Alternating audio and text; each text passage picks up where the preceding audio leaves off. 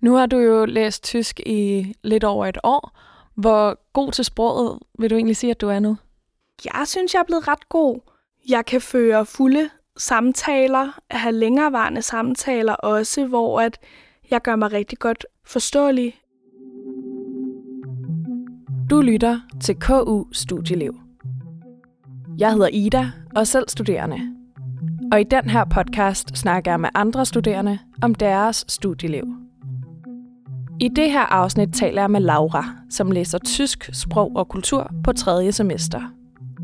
På uddannelsen der lærer hun både at tale og skrive tysk, men dykker også ned i den tyske kultur og historie.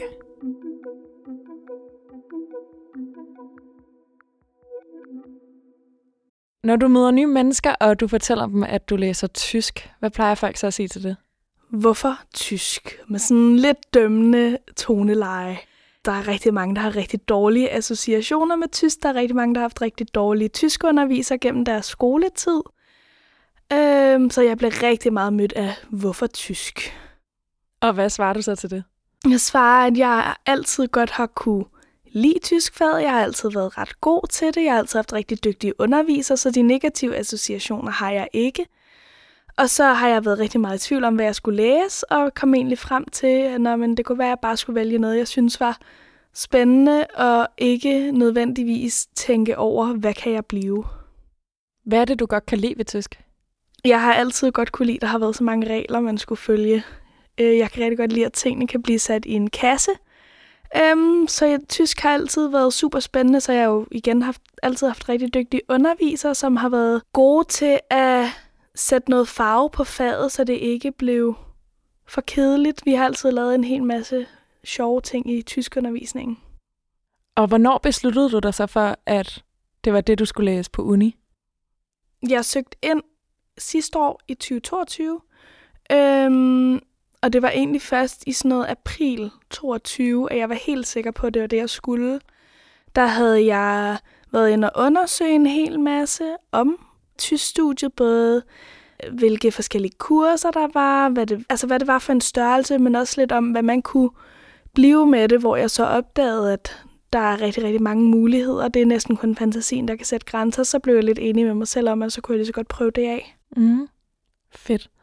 Og jeg tænker, det der med fremtidsmulighederne, det er også noget, vi skal snakke mm. lidt mere om senere.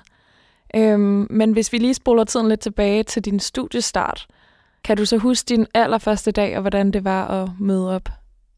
Ja, øh, jeg var super, super spændt. Og var også en lille smule nervøs, øh, fordi at jeg har haft to sabbatår, og jeg havde ikke tysk på A-niveau. Jeg kom med, så det var tre år siden, jeg sidst havde haft tysk, da jeg startede, og var sådan, okay, det skal lige genopfriske sig. Hvad nu, hvis de alle sammen bare kan flydende tysk? Og har boet i Tyskland i flere år, men det fandt jeg ret hurtigt ud af, at sådan var det heldigvis ikke. Jeg var ikke alene om, at det var en lille smule rusten til en start. Men jeg gik den første uges tid med sådan en imposter-syndrom. Hvad nu, hvis jeg ikke er god nok? Øhm, men altså, spændtheden gik ligesom ind og overtog over for nervøsiteten. Det var super, super underlig følelse at have egentlig. Hvornår forsvandt den så lidt? Da vi havde lært hinanden lidt at kende på kryds og på tværs på holdet, og jeg opdagede, okay, jeg er faktisk ikke den eneste, der har det på den her måde, der begyndte det ligesom at fortage lidt og blive rart at være, mm. være herude. Dejligt. Ja. Hvilke sådan, sociale ting var der planlagt i starten, og var det noget, du deltog i? Ja, jeg deltog i hele vores introforløb. Øh, vores tutor havde planlagt en super god intro-uge med en masse sociale arrangementer, men også med en lille smule faglighed indblandet. Der var jo alle de klassiske navneleje. Heldigvis ingen af dem på tysk. Mm-hmm. Introen tog vi fuld, næsten fuld på dansk. Vi var en tur ude på den tyske ambassade også og have et foredrag, men det var det eneste tyske, der var i løbet af ugen. Øhm, og så mødte vi vores undervisere også den sidste dag. Der havde, kom de ud til morgenmad. Øhm, og de fortalte lidt om deres fag og hvad de underviste i, i og hvad vi kunne forvente. Øhm, så, så en god blanding af en hel masse socialt og en lille smule fagligt. Det lyder godt. Hvor mange var det, I startede? 24, som har det som hovedfag på mit hold. Så det er også et relativt småt studie? Ja, meget. Vi, altså, vi er et hold, og man kender de ældre årgange. Øh, især dem, der jo har været tutor og siger stadig hej til hinanden nede i, nede i øh, studiecaféen, og når man ser hinanden på gangene. Hvordan er det at gå på et studie, hvor alle kender alle på den måde? Jeg kan ret godt lide det. Øhm, og jeg har også et, et rigtig, rigtig godt hold, øh, hvor at det her med, at alle kender alle, det gavner øh, læringsmiljøet ret meget. Øh, vi er alle sammen ret trygge ved, at okay, jeg har for min læring, jeg har ikke for nogen andres læring, så det er også okay, at jeg siger noget i timerne, selvom det ikke er helt rigtigt, fordi at de kan godt alle sammen forstå mig alligevel. Så jeg synes, det har været ret gavnligt. Ja, jeg kan også forestille mig, at det er lidt grænseoverskridende, det her med at skulle snakke et sprog foran andre mennesker, som man ikke føler sig helt tryg i endnu. Ja, det var det også lidt i starten, men på min årgang er der blevet indført sådan en sprogpraksis i sådan en prøveperiode til en start, øh, hvor at vi blev delt ud på lidt mindre hold. De første to måneder var vi på tre hold med meget få mennesker, hvor at vi havde en hel masse sprogundervisning, som samler op, hvor gymnasiet sluttede. Øhm, hvor vi både har noget tale, og vi har noget grammatik. Og i og med, at vi var delt op i de her små hold, så blev der også skabt nogle rigtig trygge rammer for, for læringen, og alle turde ligesom byde ind og det har vi stadig. Det fortsætter vi med ind til næste semester, altså fjerde semester. Men det har virkelig været med til at danne rammerne for et rigtig, rigtig trygt læringsmiljø, hvor det er okay at begå fejl, for det gør vi alle sammen. Dejligt. Hvorfor bliver man delt op i de her hold? Det er for, at de kan ramme os lidt bedre niveaumæssigt, fordi at vi kommer fra helt forskellige baggrunde, og derved også øh, forskellige tysk niveauer. Øhm, der er nogen, der ligger tæt på modersmålstysk, og så er der nogen, der kommer direkte fra gymnasiet med deres B1, B2 tysk, som jo er lidt lavere niveauer, men stadig høje niveauer, men ikke lige så højt som modersmål. Så det er for, at de kan ramme os alle bedst muligt. For dem, der er på modersmål, behøver måske ikke have super meget om verbets bøjning. Og jeg synes egentlig, det har fungeret ret godt, for vi har haft dem de samme ting, bare på forskellige niveauer. Okay, så de her tre forskellige hold, der var i starten, det er simpelthen niveauopdelt?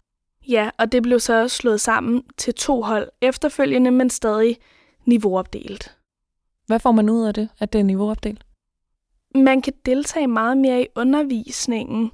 Det her med, at okay, vi er alle sammen cirka på samme niveau, så det, at jeg sidder og har det her spørgsmål, det betyder også, at de andre nok også har et spørgsmål, der minder om, og så får vi afklaret det her, så der er heller ingen, der er bange for at stille spørgsmål så jeg synes egentlig, det er helt fint, at vi er niveauopdelte, for det kan også være rigtig svært at følge med i samtalerne, især når det går ind og er så grammatisk og så fagfagligt, hvis man ikke er på det rigtige niveau. Nu har du jo læst tysk i lidt over et år. Hvor god til sproget vil du egentlig sige, at du er nu? Jeg synes, jeg er blevet ret god. Jeg kan føre fulde samtaler, have, have længerevarende samtaler også, hvor at jeg gør mig rigtig godt forståelig. Øh, ikke nødvendigvis altid 100% grammatisk korrekt, men det er heller ikke altid det, der er det vigtigste. Øh, det vigtigste er, at man kan gøre sig forståelig, øh, og det er også noget, underviserne lægger meget vægt på, heldigvis. At de første par semestre, så bedømmer de ikke super meget på sproget, men mere på indholdet.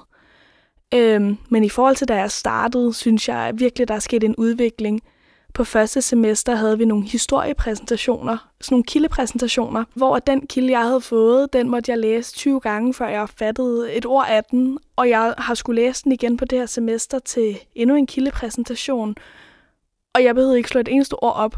Altså forstod den hele, og jeg har jo ikke tænkt på den siden, øh, ja, for et år siden. Jeg synes, det var lidt vildt at kunne se den sproglige udvikling der også.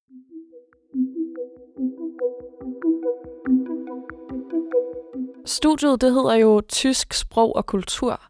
Hvad er fordelingen egentlig mellem, hvor meget sprog I har, og hvor meget I så lærer om nogle mere samfunds- eller kulturelle temaer?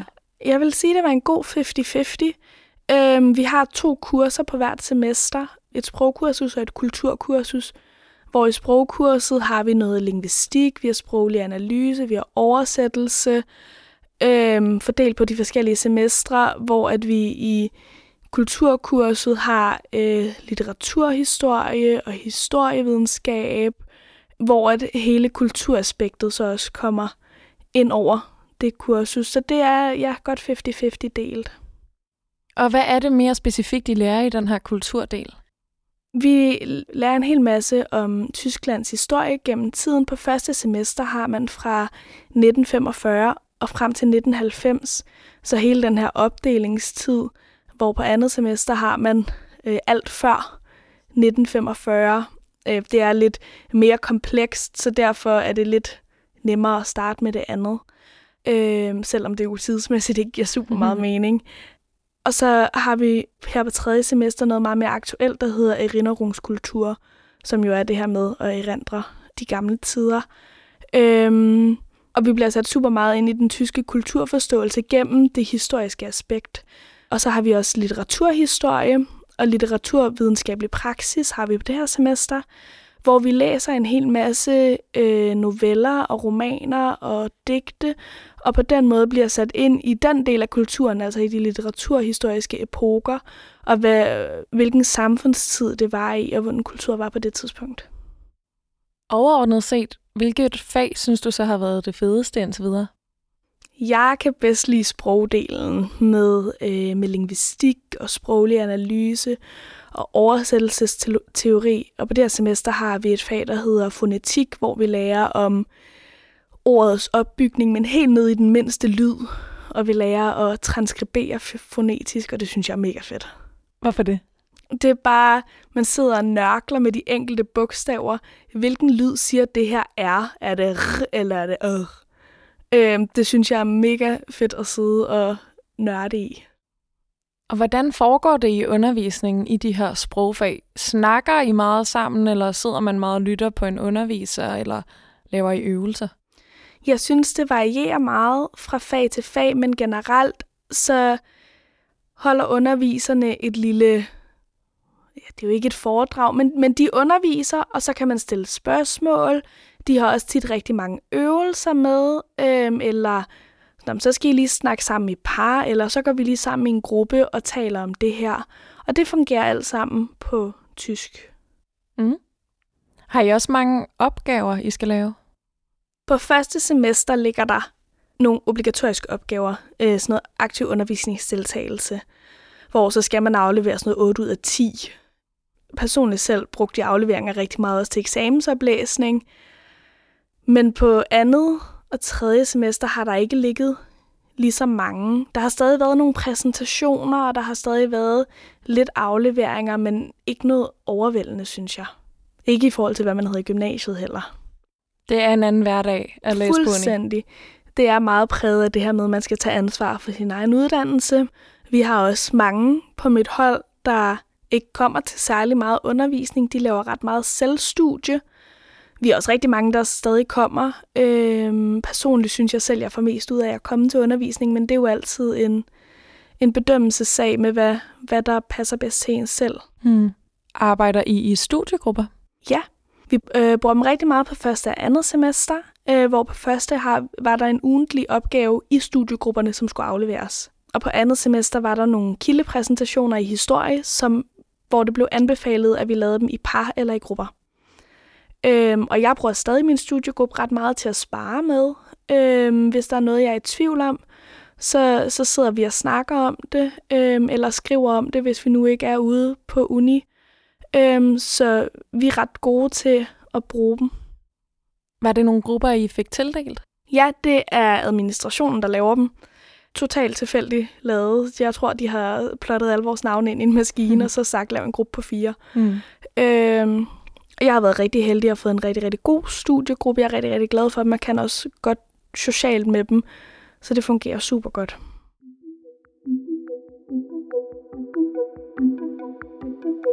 Hvornår synes du, at studiet har været mest udfordrende?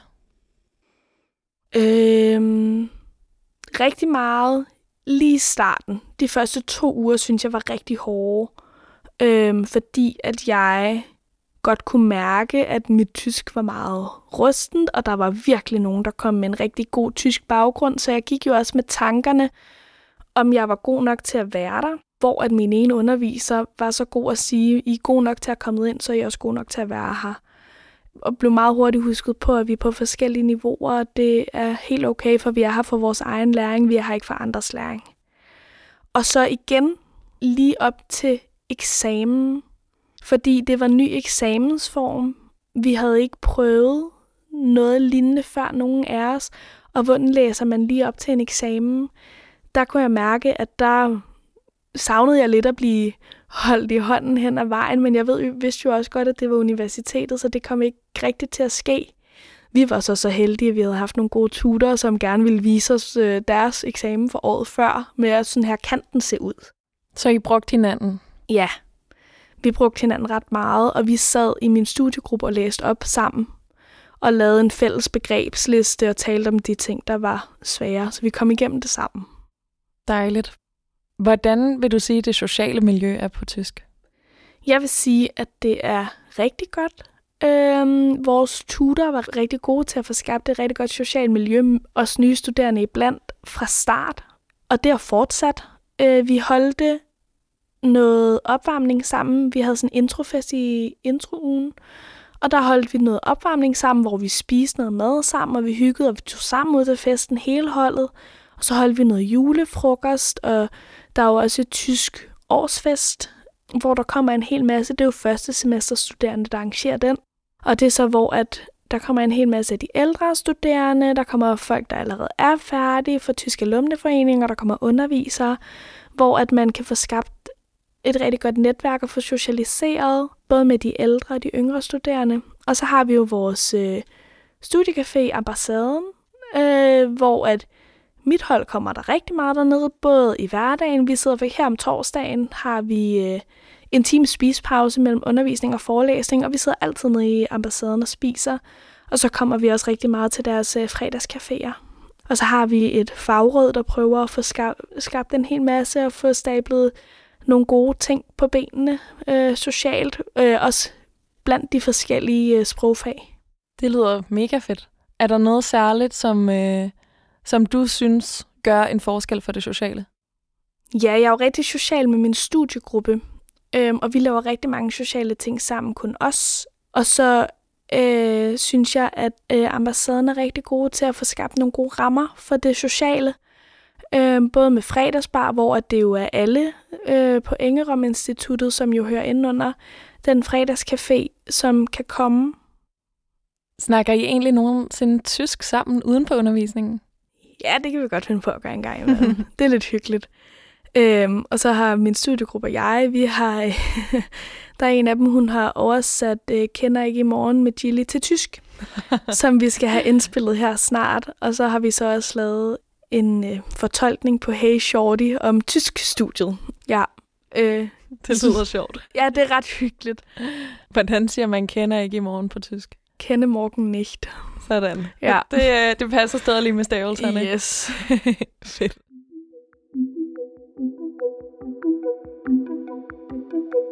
Senere hen på uddannelsen, der kommer der jo så noget valgfrihed.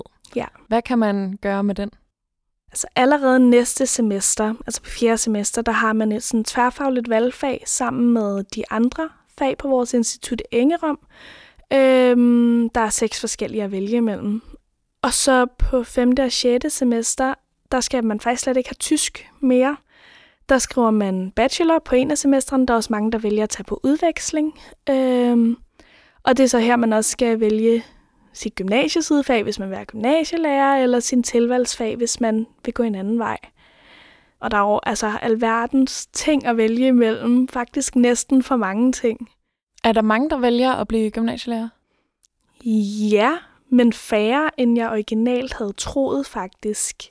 Det, det er jo en af de karrieremuligheder, man kan være sikker på, at der er, når man vælger et sprogfag som tysk. Men jeg tror, på mit hold er der måske 7 ud af 24, ej nu er vi så 21 tilbage, 7 ud af 21, der er sikre på, at de vil være gymnasielærer. Så er der nogen, der ikke ved, hvad de vil, og så er der nogen, der går nogle andre veje. Så jeg tror måske, at det er en lidt nedadgående tendens, det der med 100% at lægge sig fast på at være gymnasielærer, for det er jo altid noget, man kan komme tilbage til at være. Og hvis man så ikke vælger at gå den her gymnasielærervej, øhm, så skal man jo bare fortsætte med, med tysk som hovedfag, og så have nogle tilvalgsfag inden mm. for det. Øhm, ved du, hvad du vil gøre? ja, jeg gik egentlig ind til uddannelsen med en, jeg er åben for alt, der kan ske, men hvis godt, at jeg rigtig godt kunne lide at lære fra mig, så havde lidt i baghovedet, at jeg godt ville være gymnasielærer.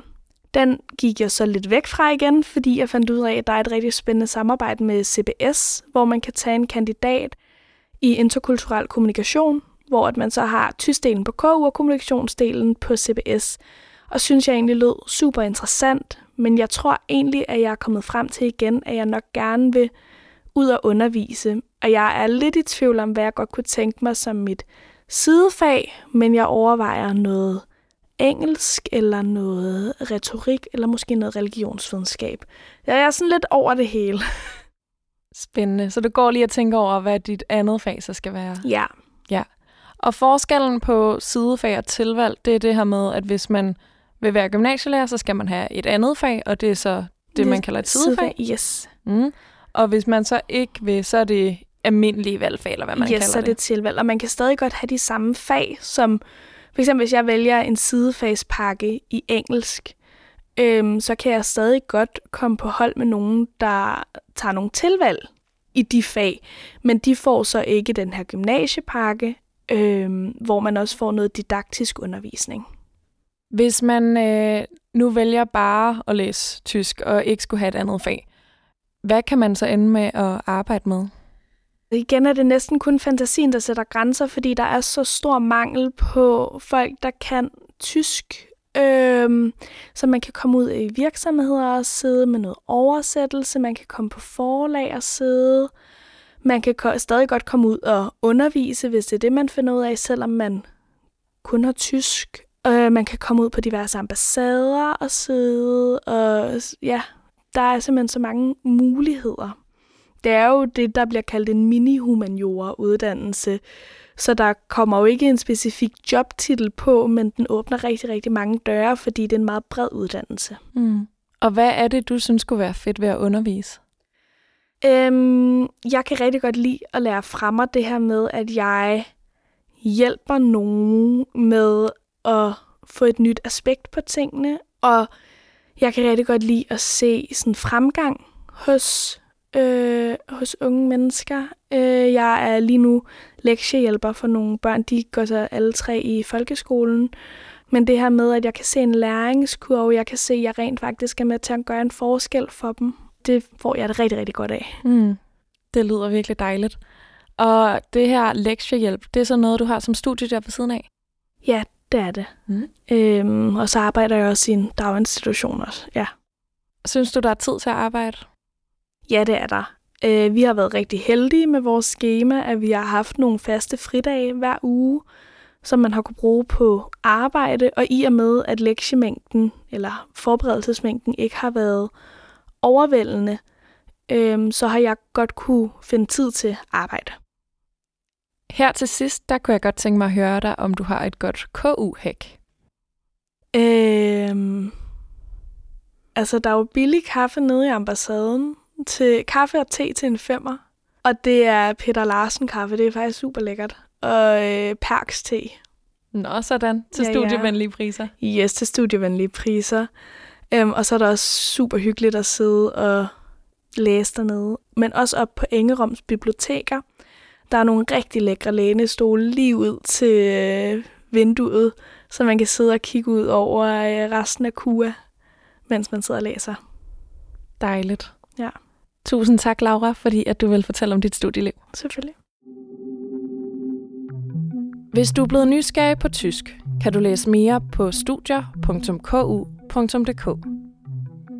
Du kan også møde mange flere studier på Instagrammen KU Studieliv. Tak fordi du lyttede med.